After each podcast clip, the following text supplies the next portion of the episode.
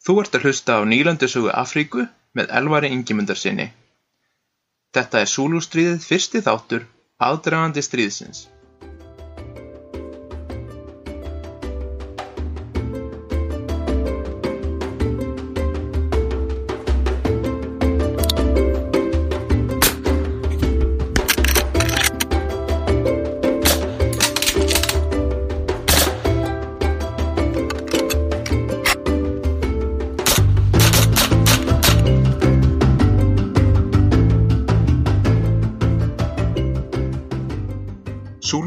Var háð frá 11. janúar til 4. júlí 1879 milli breska heimsveldisins og Súlúþjóðarinnar. Súlumenn eru af bandúkynþættinum og upprunlega frá svæðinu í kringum Kongóána. Í kringum 300 eftir Krist fóru þeir í miklum landflutningum frá Kongóáni og til svæðisins í Suður Afríku sem núna er þekkt sem Súlúland. Áður en Súlumenn komið til svæðisins var það byggt af Khoisan-mönnum. Khoisamenn gátu ekki stoppa landflutninga Súlumanna og voru annarkvort innimaðir inni í Súluþjóðina eða hraktir burt inn í óbyggileg svæði. Þetta voru að svipum tíma og germanskir ættbálkar voru að byrja að fara yfir Rínarfljót og inn í vestur Evrópu. Ferlið sem leti að lokum til myndunar konusríkjana Englands og Fraklands nefnd eftir germansku ættbálkunum sem settu stað á svæðinu. Súlumenn voru bara einn af mörgum bantuættbálkum sem settust að í suðurhluta Afríku og voru hluti af bandalagi sem var kallaði með þefabandalagið eða sambandið, bandalag um 30 ættbálka. Í kringum 1787 eignaðist kona að nafni Nandi, ein af eiginkonum súluhefðingja séð Chesankona, són sem þau nefndu Shaka. Eins og margir ungir súlumenn á þessum tíma gekk Shaka í svokallaðan kynnslóðarhóp, hópar ungra manna á svipuðum aldri sem veittu höfðingjarum þjónustu. Þeir veittu slíka þjónustu þar þeir voru orðinni nógu gamlir til að giftast og mynda sína eigin fjölskyldu. Hópurinn sem Shaka gekk í var af svokallari í bútugerð sem voru nokkus konar hersveitir og gengdu mun hernaðlara hlutverki en aðrir hópar. Vegna þess að móður hans var ekki ein af aðalkonum höfðingjans var Shaka ekki erfingi krúnunar og eitti mestum hluta æskunar við fjölskyldu móður sinnar. Sem ungur maður gekk hann í þjónustu höfðingjas hér Dingis Vejó og var höfðingi með þefasambandsins á þessum tíma. Shaka gerist herfóringi í hér Dingisvanni og hækkaði jæmt og þjætt í tegn þangað til 1816 þegar hálfböður hans Sikisuvana varð höfðingi Súluættbólksins eftir dauða föðu þeirra. Shaka þótti góður hersöðingi en margar af hugmyndum hans þóttu svo róttakar að Dingis Vejó hafði ekki áhuga á því að hrinda þeim í framkvæmd. Þegar Sikuana var hins vegar höfðingi við Súluættbólknum sá Dingis var nú tækifæri. Hann bauð Shaka að taka hersveit og steipa bróðið sínum að stóli. Hann myndi síðan verða höfðingi Súluættbólksins en viðurkenna Dingis Vejó sem höfðingja sinn. Shaka tók þessu tilbóði, leiddi hersveitina til Súluættbólksins, let taka bróðið sína lífi og var lístur höfðingi yfir ættbólknum. Shaka var ekki nema tæplega þrítugur þegar hann tók við höfðingetitlinum. Dingis Vejó lifði þó ekki nógu lengi til að njóta góðs af kensku sinni og lést 1817 í hernaðarleðangri á norður landamærum með þefesambandsins.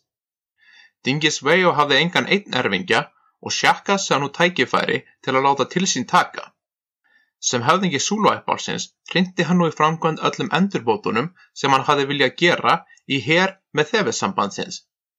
Áður fyrir hafði það verið þannig að hver hersveit, eða hópur ungra manna, hafði heyrt undir hvern höfðingja og höfðingjanir hafði síðan heyrt undir konungin. Þessu breytti Shaka. Nú myndu allar hersveitnar heyra beint undir konungin, ekki undir höfðingjan. Þetta bjóttir fasta her fyrir Súluríkið. Flestir hermenn í Súluhernum hafðu notað langspjót, en Shaka lit breyta þeim, stytta spjótin, eða Assegai eins og þú voru kalluð, í stungspjót sem hann kallaði Ixva. Shaka áttaði sig einnig að mikið vægi þess að umkringja óvinnin og gera árásir í hliðar hans. Þetta voru ekki nýjar hugmyndir, Július Caesar og Hannibal hefðu gert sig grein fyrir mikið vægi þess að umkringja óvinnin og ráðast aftan að honum fyrir burð Kris, en þetta var nýjung í bardagatekni Súlumanna. Hinn nýja bardagafylging var kallað nautshöfuðið Hornin tvö fóru í kringum óvinnin og réðust inn í hliðar hans meðan hausinn réðst beint á hann. Hugmyndi var svo að umkringja óvinnin, valda skelvingu meðal hans og hann á flóta. Ein mistu gerði sjakka þó. Hollenskir og breskir landkunniðir hefðu komið til hirðar hans og sínt honum skotvon, sem á þessum tíma voru framhlaðningar. Sjakka var ekki hrifin af framhlaðningum. Hleðslutíminn, sem yfirleitt var 20-30 sekundur fyrir vana skittu, fannst honum of langur og hann ímyndaði sér að áhlaup spjótmanna hans myndi ávalt sundra fylkingu skotliða með framhlæninga. Með þeirra nýja hersinn herjaði sjakka á nálega ættbólka og gjör sigraði þá. Allir nálegir ættbólkar voru innlimaðir í Súlu konungsríkið. Eins og margir evróskir herir á miðöldum hafði Súluherin þó enn nokkra veikleika, aðalega tengda burðarflutningum og aga einstakra hersveita. Skipunaröð fóringja var einnig freka frumstæð og veik eins og kom í ljós þegar Netebela ættbálkurinn klauf sig úr Súluríkinu. Það gerðist þannig að Mesli Katse, einn af fremstu hersöðingjum Shaka og höfðingi Netebelemanna, sem breytar kölluðu Matabelemenn, var sendur til að refsa uppreistnagjörnum ættbálki á landamærum Súluríkisins. Mósil Katse sigraði ættbálkin, rakti hann á flótta og tók nauggripahjarðir hans herfangi. Í Súluríkinu voru allir nauggripir allavega nafnunu til eign höfðingjans og Shaka ætlaðist því til að Mosley Katze sendi honum nauggripahjarðirnar sem hann hafi tekið herfangi. Mosley Katze fannst þetta ósangjart þar sem hann hafi náður nauggripahjörðunum og háðórustunar og neytaði. Þetta myndi nokkuð á deilurnar millir Henriks fjörða af Englandi og Henriks Persi eins af hans fremstu hersöðingjum. Þær deilur urðu þannig að Henry Percy tók marga skoti gíslingu eftir orustu á landamæru Skotland og Englands. Gíslandi voru mikils virði þar sem hægt var að fá lausnagjald fyrir þá og Henrik fjörði held að Percy myndi skila gíslunandi sín. Þetta fannst Percy ósangjant og held gíslunum fyrir sjálfan sig og leiti þetta að lokum til borgarastíðis í Englandi. Það var einnig niðurstaðin í Súlulandi og Shaka sendi konunglegar hersfætti sínar til að refsa Mosili Katse 1823. Mosili Katse og nokkur undur hermenn víkirtu stöðu á fjallstindi þegar þeir sáu Súlumenn koma. Súlumenn gerðu áhlaup en Mosili Katse og hans menn hröktu þá af höndum sér. Eftir orustuna neittist Mosili Katse þó til að hörfa þar sem hann hafði einungis teflaði hundra hermenn eftir og hann flúði út úr Súlulandi ásand ættbólki sínum. Engin veit hversu margir yfirgáfi Súluland en sumir fræðimenn telja að það hafi verið alltaf 20.000 mann sem flúðu norður. Mosulíkatse og Netebelemenn skildu eftir sig sviðna jörð á leið sinni norður þangað til þeir settust að í Matabelelandi í því sem er nú vestur Zimbabwe.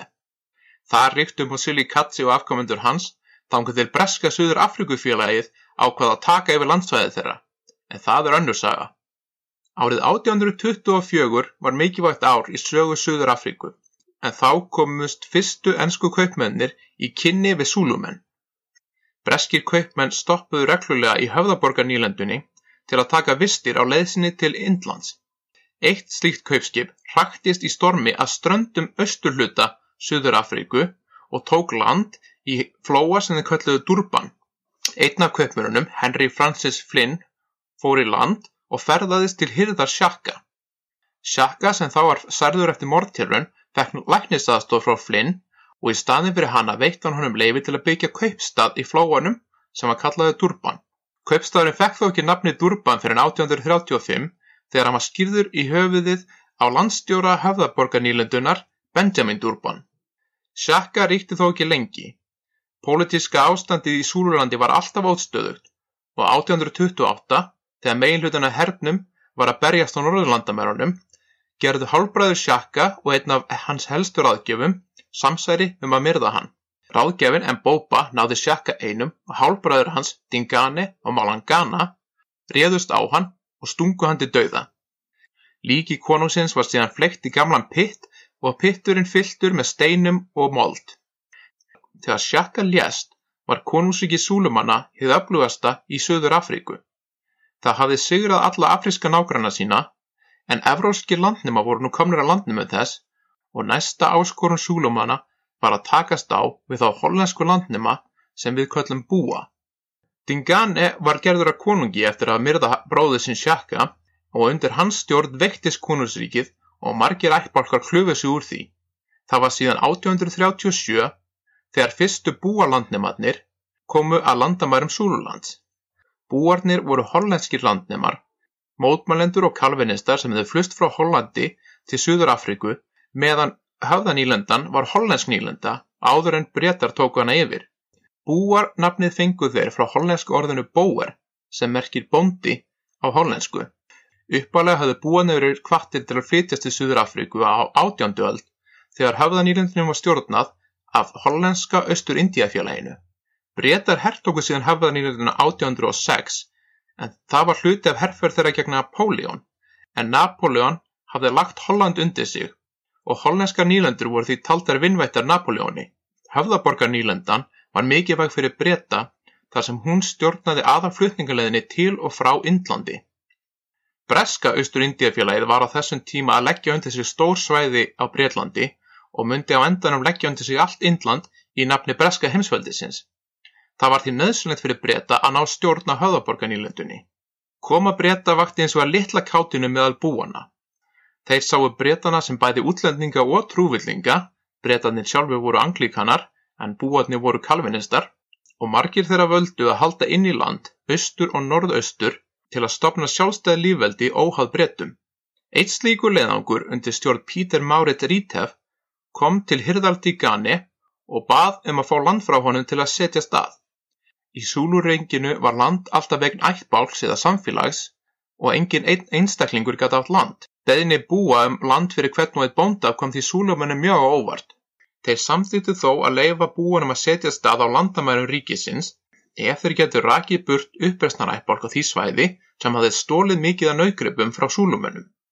Búanir, vopnaðir framslæðningum ráku ættbálkina brott, dinga hann í þakkaði þeim fyrir og skrifaði undir sáttmála sem búanir höfðu komið með. Til að fagna undirritun sáttmálan bauð hann búanum til veislu og í februar 1838 komu 70 búar og 30 Afríkumenn í þeirra þjónustu til veislunar. Dingane bað þá um að skilja vopn sín eftir fyrir utan bæin sem búanni gerðu í verðingaskinni. Á hápundu veislunar 7. februar stóð Dingane skindilega upp og öskraði leggið hendur á seðkarlana. Súlumenn réðust þá á óvopnaða búana og afríska fylgismenn þeirra og tóku þá alla af lífi. Ásaganur um galdur voru algengar í samfélagi súlumanna og við þeim var áallt dauðarefsing. Kolungar súlumanna notuðu oft ásaganur um galdur til að taka pólitiska anstæðinga sína lífi og það útskýri líklega okkur eitthvað Ngani sagaði búana um að vera seðkalla. Nortnaviðanar konungsins högðuðu sér oft eins og leynilögrugla í ríkinu við að leita upp í pólitíska andstæðinga konungsins, saka þá um galdur og síðan taka þá að lífi. Eftir að Pítur Márið Þrítip og fylgismenn hans voru drefnir í höfuborg Súlumanna var herin sendur til að ráðast á allar búðir búana á landamærunum. Allavega þrjár tjaldbúðir voru á landamærunum á þessum tíma og Súluherrin kom þeim algjörlega óvörum. Menn, konur og börn, bæði búar og Afríkumenn í búðunum voru myrtir. Í heildina meira en 500 manns og er þessi atburður nú þekktur sem Vínen-fjöldamorðin í afrískri sögu. Búalandnemar sem höfðu sest að nær ströndinni í kringum Durban voru fylltir skjelvingu þegar þeir fréttu af fjöldamorðunum og sendu hjálparbyrðinni til hollenskar bræðra sinna í höfðanílendunni. Þar var heimavarnaliði sem búanir kölluðu komando sapnað saman og hjælt á stað undir fórustu Andresar Pretoriusar sem var fimmtu kynsluðar landnemi í Suður Afríku. Búarnir voru líðveldisinnar og allir fóringjar heimavarnarliðsins, eða kommando, voru kjörnir.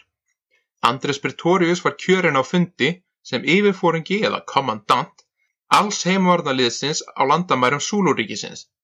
Pretorius sendi njóstnara til Súluættborgana og komst að því að Digane ætti í illdelum við hálfbróður sinn Mapandei og að Mapandei hefði flúð höfuborgina þar sem hann óttaðist að vera tekinn af lífi. Þetta ákvað Pretorius að nýta sér. Hann skipaði því mönnum sínum að ráðast alls ekki á neina súlumenn sem væru hlýðhallir með Pandi og takast einungis á við hersveitir Dingane. Með þessu vonaðist hann til að maður Pandi tækist að steipa bróður sínum að stóli ef búarnir getur veikt hersveitir Dingane. Þegar heimavornaliðið hafði komið saman ákvað Pretorius að gera innrás í Súluland. Hann leiddi því hermenn sína, 460 menn, með 60 vagna inn í Súluland. Vagnarnir voru landnumavagnar eins og við sjáum átti vilda vestusmyndum og reyndust eins vel á sléttum Afríku og þeir gerðu á sléttum Norður Ameríku. Búarnir marseruðu á daginn og á kvöldin slógu þeir vögnum sínum í hring og mynduðu það sem þeir kölluðu lager, en lagerinn var nokkuð skonar vagnavirki. Búarnir vissu að súlumenn væri mun fleiri en þeir, en þeir vonuðu að með því að búa til virki getu framhlaningar þeirra dugað til að sigra súluherrin sem ekki hafði neins skotvopn. En þeir vonuðu að með því að búa til virki myndu framhlaningar þeirra vera nóg til að sigra súlumennina sem ekki hafði neins skotvopn. Þar sem hann hafði svo fáa menn ákvað Pretorius að halda sér nærri ánum á leiðsinni inn í Súluland. Á hverri nóttu reyndu búandi því að koma vagnavirkjum sínu fyrir á Árbakka. Með þessu móti gætt Árbakkin hlýft einni hlið virkisins frá árás sem gerði búanum kleift að sapna saman á einni hlið virkisins til að verjast árásum Súlumanna. Á daginn riðu könnunasveitir búana frá aðalfylkingunni til að reyna að koma auga á hersveitir Súlumanna. Dag einn reyðsli könnunarsveit fram á könnunarsveit Súlumanna og gerði áhlaup á hana. Eftir stutta viðureg flúðu Súlumennir og búarnir tóku til fanga konur og börn sem hefðu fyllt Súlumennunum. Konunnar og börni voru flutt til aðarfylkingarnar þar sem Pretorius tók að móti þeim. Hann gaf þeim hvítan fána með nafnunu Pretorius áletrað og bað þau um að fara með skilaboð til Dingane. Kröfur hans voru á þá leið að Súlumenn skyldu tafarlaust skila öllum vopnum, búnaði og nautgripum sem þeir hefðu tekið frá búunum sem þeir myrtu. Þegar vopnum, búnaði og nautgripum hefði verið skilað, gætu friðaviðræður átt sér stað. Súlukonunnar síndu lítinn áhuga á því að fara til hirðara Dingane og sögðu Pretoriusi að þær óttuðust að Dingane myndi refsa þeim fyrir að koma með kröfur búa til hirðarinnar og fyrir að hafa verið teknar höndum af búanum. Hvað sem því leið barst aldrei svar frá Dingane við kröfum búana. Búanir heldu því áfram þangað til þau komu að Buffalo áni 15. september. Könnunarsveiti þeirra komu þá að fjalli sem súlumenn kölluðu Gelato en búanir kölluðu Vektkopp. Í fjallendinu í kringum Vektkopp komu búanir auga á stórar hersveitir súlumanna. Súlumenn höfðu komið sér fyrir í fjallendinu og vonuðust til þess að búarnir myndu ráðast á þá þar. Stórgrítið í fjöllunum myndi veita þeim skjól fyrir skotrið búana. Við getum minnst þess að það að vikið að stöðu í fjallendi var akkurat það sem Mosili Katsi og Neti Belemen hefðu gert þegar þeir sigurðu súlumenn árum áður. Súlumenn hefðu lært sína leksíðu þar og áttuðu sig á að í fjallendi væri vörninn mun sterkari en sóknin. Það vissi Pretorius líka og skipaði mennu sínum að gera ekki árás á súlumennina. Í staðin marseruðu búanir að bökkum Nekómi ánar. Þar komu þeir fyrir vagnavirki sínu á stað þar sem áinn skildi þeim fyrir árás úr suðri. Austan við vagnavirki var djúft gil sem var þurrt á þessum tíma árs og skildi virkinu fyrir árás úr austri. Þetta þýtti að búanir þurftu aðeins að eiga vona árás úr vestri eða norri. Fyrir vestan og norðan vagnavirki var ekkert nema marflöð slétta og það þýtti að búanir gáttu skotið á súlumennina á löngum færum. Vopn búana voru framhlaniriflar sem voru mjög nákvæmir á alltaf 200 metra færi. Það tók nokkuð langan tíma að hlaða þá, 20-30 sekundur fyrir vanaskittu, en góð skitta gætt skotið Buffalo á alltaf 300-400 metra færi með slíkum rifli. Búanir höfðu einnig tvær eða þrjár fallbissur til að verja virkið. Heimildum greinir ákvort þar hafi verið tvær eða þrjár. Í staðin fyrir að hlaða fallbissur sínar með stórum járnkúlum, eins og venja var, fylltu búanir þær af járnrusli og litlum byssukúlum. Þetta breytti fallbissunum í raun og veru í stórar haglabissur sem gáttu spúð blíi á 50-100 metra færi og gerði þar afar banvanar gegn óvunum í þjættum fylkingum. Um síðdegi voru allir vagnarnir komnir í fylkingu og búanir hófu nú að festa á girðingar sem lokuðu bílunum milli hjólana og bílunum milli einstakra vagna. Síðan kvektu búanir á óljulugtum og hengdu þær út frá vagnunum til að lýsa upp svæðið í kringum vagnana. Menn á hestum riðu síðan reglulega í kringum virkið til að reyna að koma auga á súlumenn sem reyndu að læðast að virkinu. Kvöldmaturinn var síðan sá sami og alltaf. Keks, þurka nauta og antilópukjöt og kaffi. Súlumenn sáu búana koma sér fyrir á bökkum en komi ánar og ákvaðu að sækja fram. Fyrstu hersveiti þeirra komið að virkinu um kvöldið en þeir töldu sig ekki nóga sterka til að gera árás um nóttina og ákvaðu að býða morguns þegar þeir áttu vona fleiri hersveitum. Herin sjálfur var leittur af tveimur bræðurum Dingane, konunglegum prinsum. Um morgunin voru þeir komnir í árásastöðu og gerðu áhlaup af vagnavirkið. Fjórusunum gerðu þeir áhlaup og í hvert sinn voru þeir hraktið tilbaka af skotrið búana. Hér var draumur sjakka um að spjótliðar getu alltaf sigrað skotliða tættur í sundur af byssukúlum búana. Hver búi hafði tvær til þrjár byssur, framhlana rifla sem þó var hægt að breyta í haglabissur með því að hlaða mörgum litlum haglum í staðin fyrir eina stóra blíkúlu. Vegna þess hver súlumenn voru komni nálat virkinu, hlóðu margir búar byssur sínar með einni stóri blíkúlu og þremur til fjórum stórum höglum til að geta sært fleiri en eitt súlumann í hverju skoti. Þegar súlumenn hörfuði í fjórðaskiptið skipaði Pretorius riddaraliði sínu að sækja fram á virkinu. Búar á Hespæki riðu þá meðfram fylkingum súlumanna og skutu inn í þær með haglabissum. Súlumenn sá nú að þeir getu ekki tekið virkið með árás úr vestri eða norri.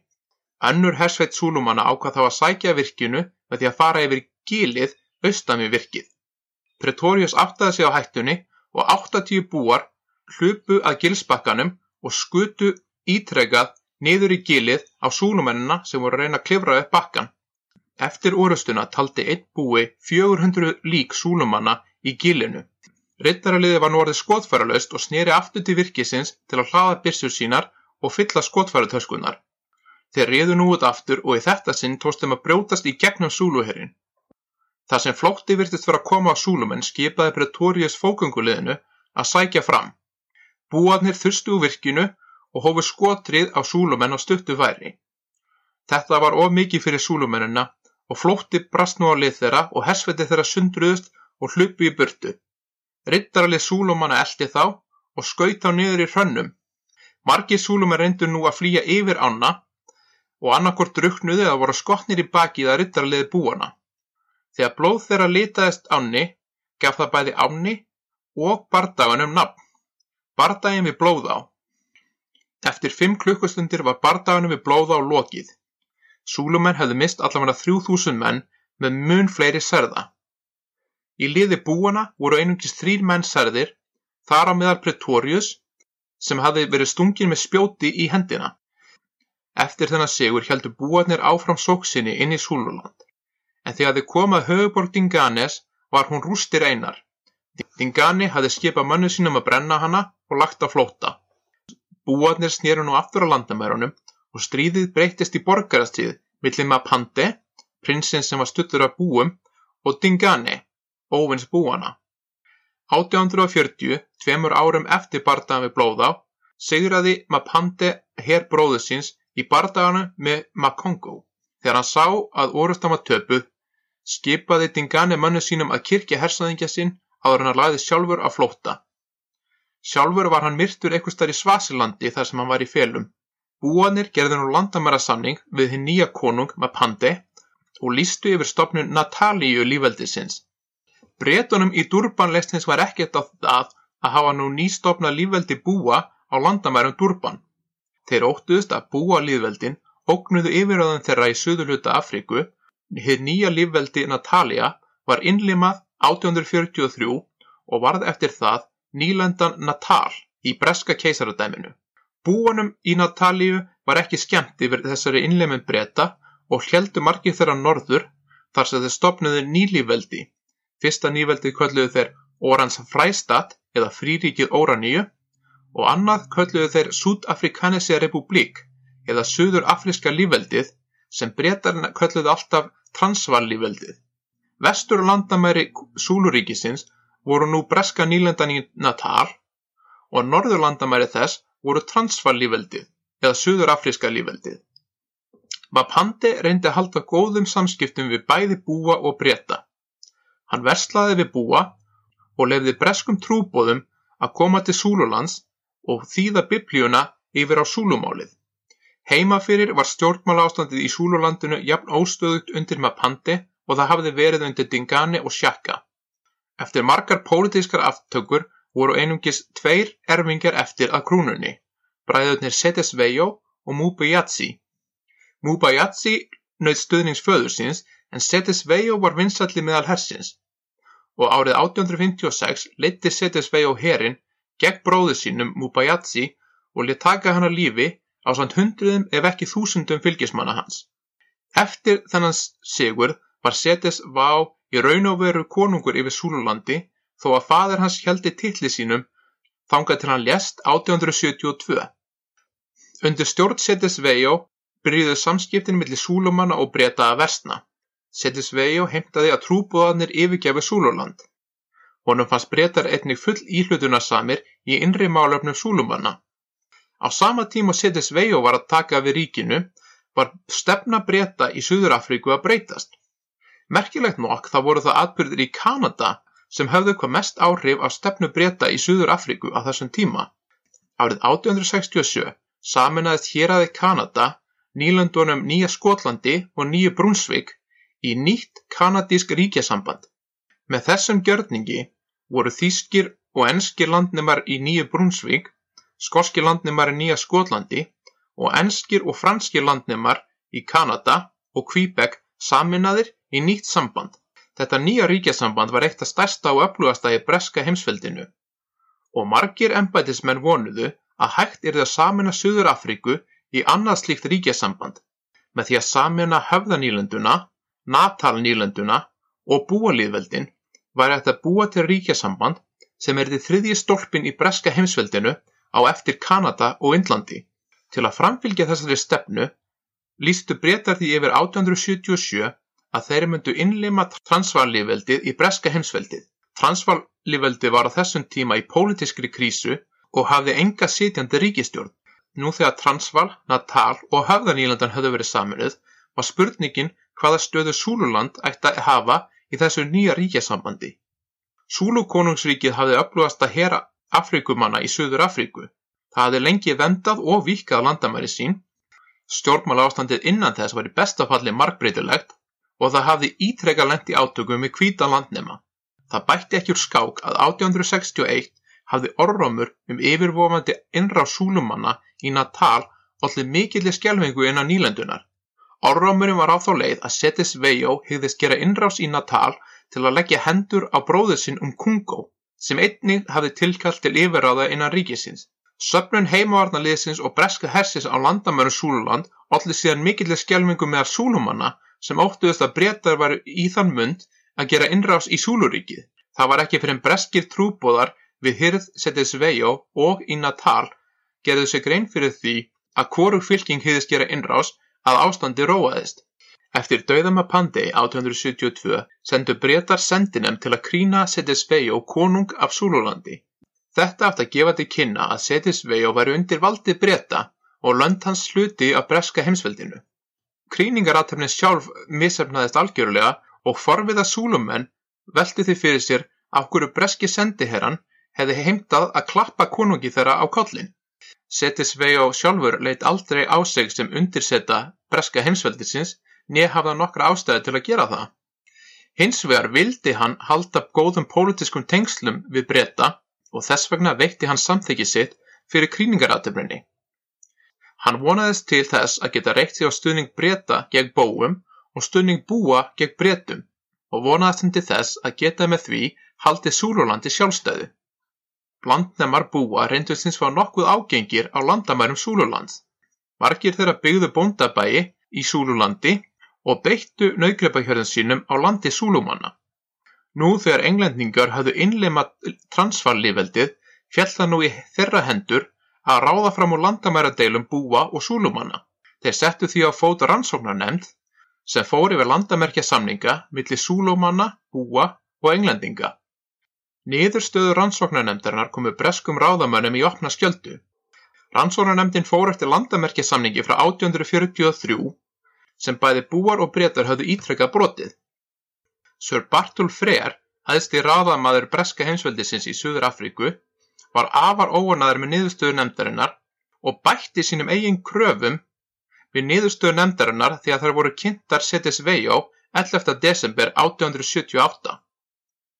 Bartól Freyr heimtaði að Súlumenn greittu öllum þeim búum sem þetta yfirgefa bóndabæi sína vegna niðurstöðu nefndarinnar skadabætur, en Súlumenn sem þyrfti að yfirgefa jarðir sínar voru ekki tryggðar neinar bætur í skilmálum Bartól.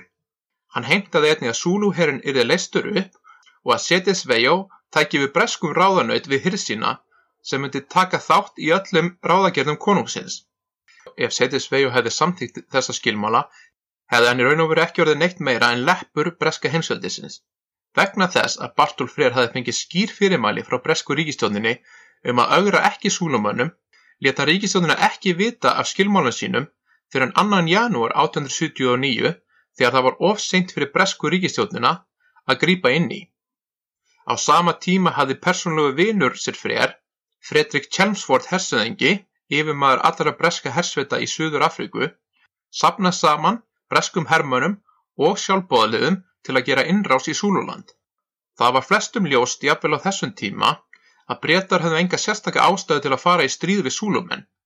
Það voru breskir ennbætismenn í Suður Afríku eins og Bartól Freyr og Chelmsford Hessingi sem neittu Súluland í stríð við Breta með því að augra Súlumannum stöðut. Þetta var hluti að ráðagerð þeirra um að samena öll ríki Suður Afríku í eitt ríkjasamband líkt og gert hafi verið í Kanada. Breska ríkistjónin hafði þó lítinn áhuga þessum áformum og hafði mun meiri áhyggjur af því hversu dýrt stríði myndi vera. En þar sem Bartól Freyr og Chelmsford hafði neitt súlumenn í stríði við breska heimsveldið, hafði breska ríkistjónin engin úrræði önnur en þau að styðja þá í stríðsræstrinum. Breska heimsveldið og Súlu konungsríkið voru nú komin í stríð, en vonir breytað um auðveldan sigur myndu brátt að yngu verða undir fjarlægum fjallstoppi í Súlulandi sem kallaður var Islandava. Takk fyrir að hlusta á þennan þátt af nýlendusögu Afríku.